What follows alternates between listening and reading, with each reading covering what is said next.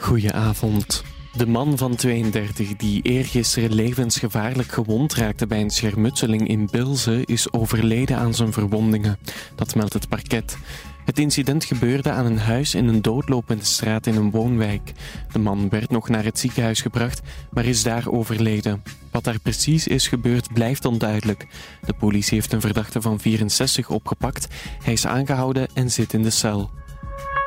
Volgens experten is de kans groot dat de Brusselse speurder die Qatargate onderzocht vergiftigd is door de Marokkaanse inlichtingendiensten. Eind vorige maand werd hij opgepakt na een incident op café. Later bleek dat mogelijk iemand iets in zijn drankje heeft gedaan.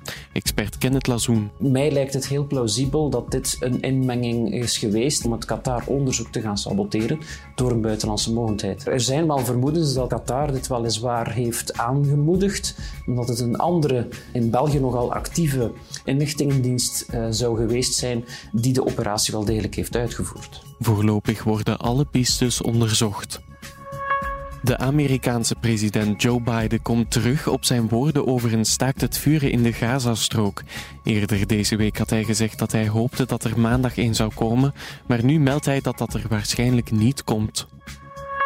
Voetbal. Vanavond neemt Antwerpen het op tegen KV Oostende in de halve finale van de Crocky Cup.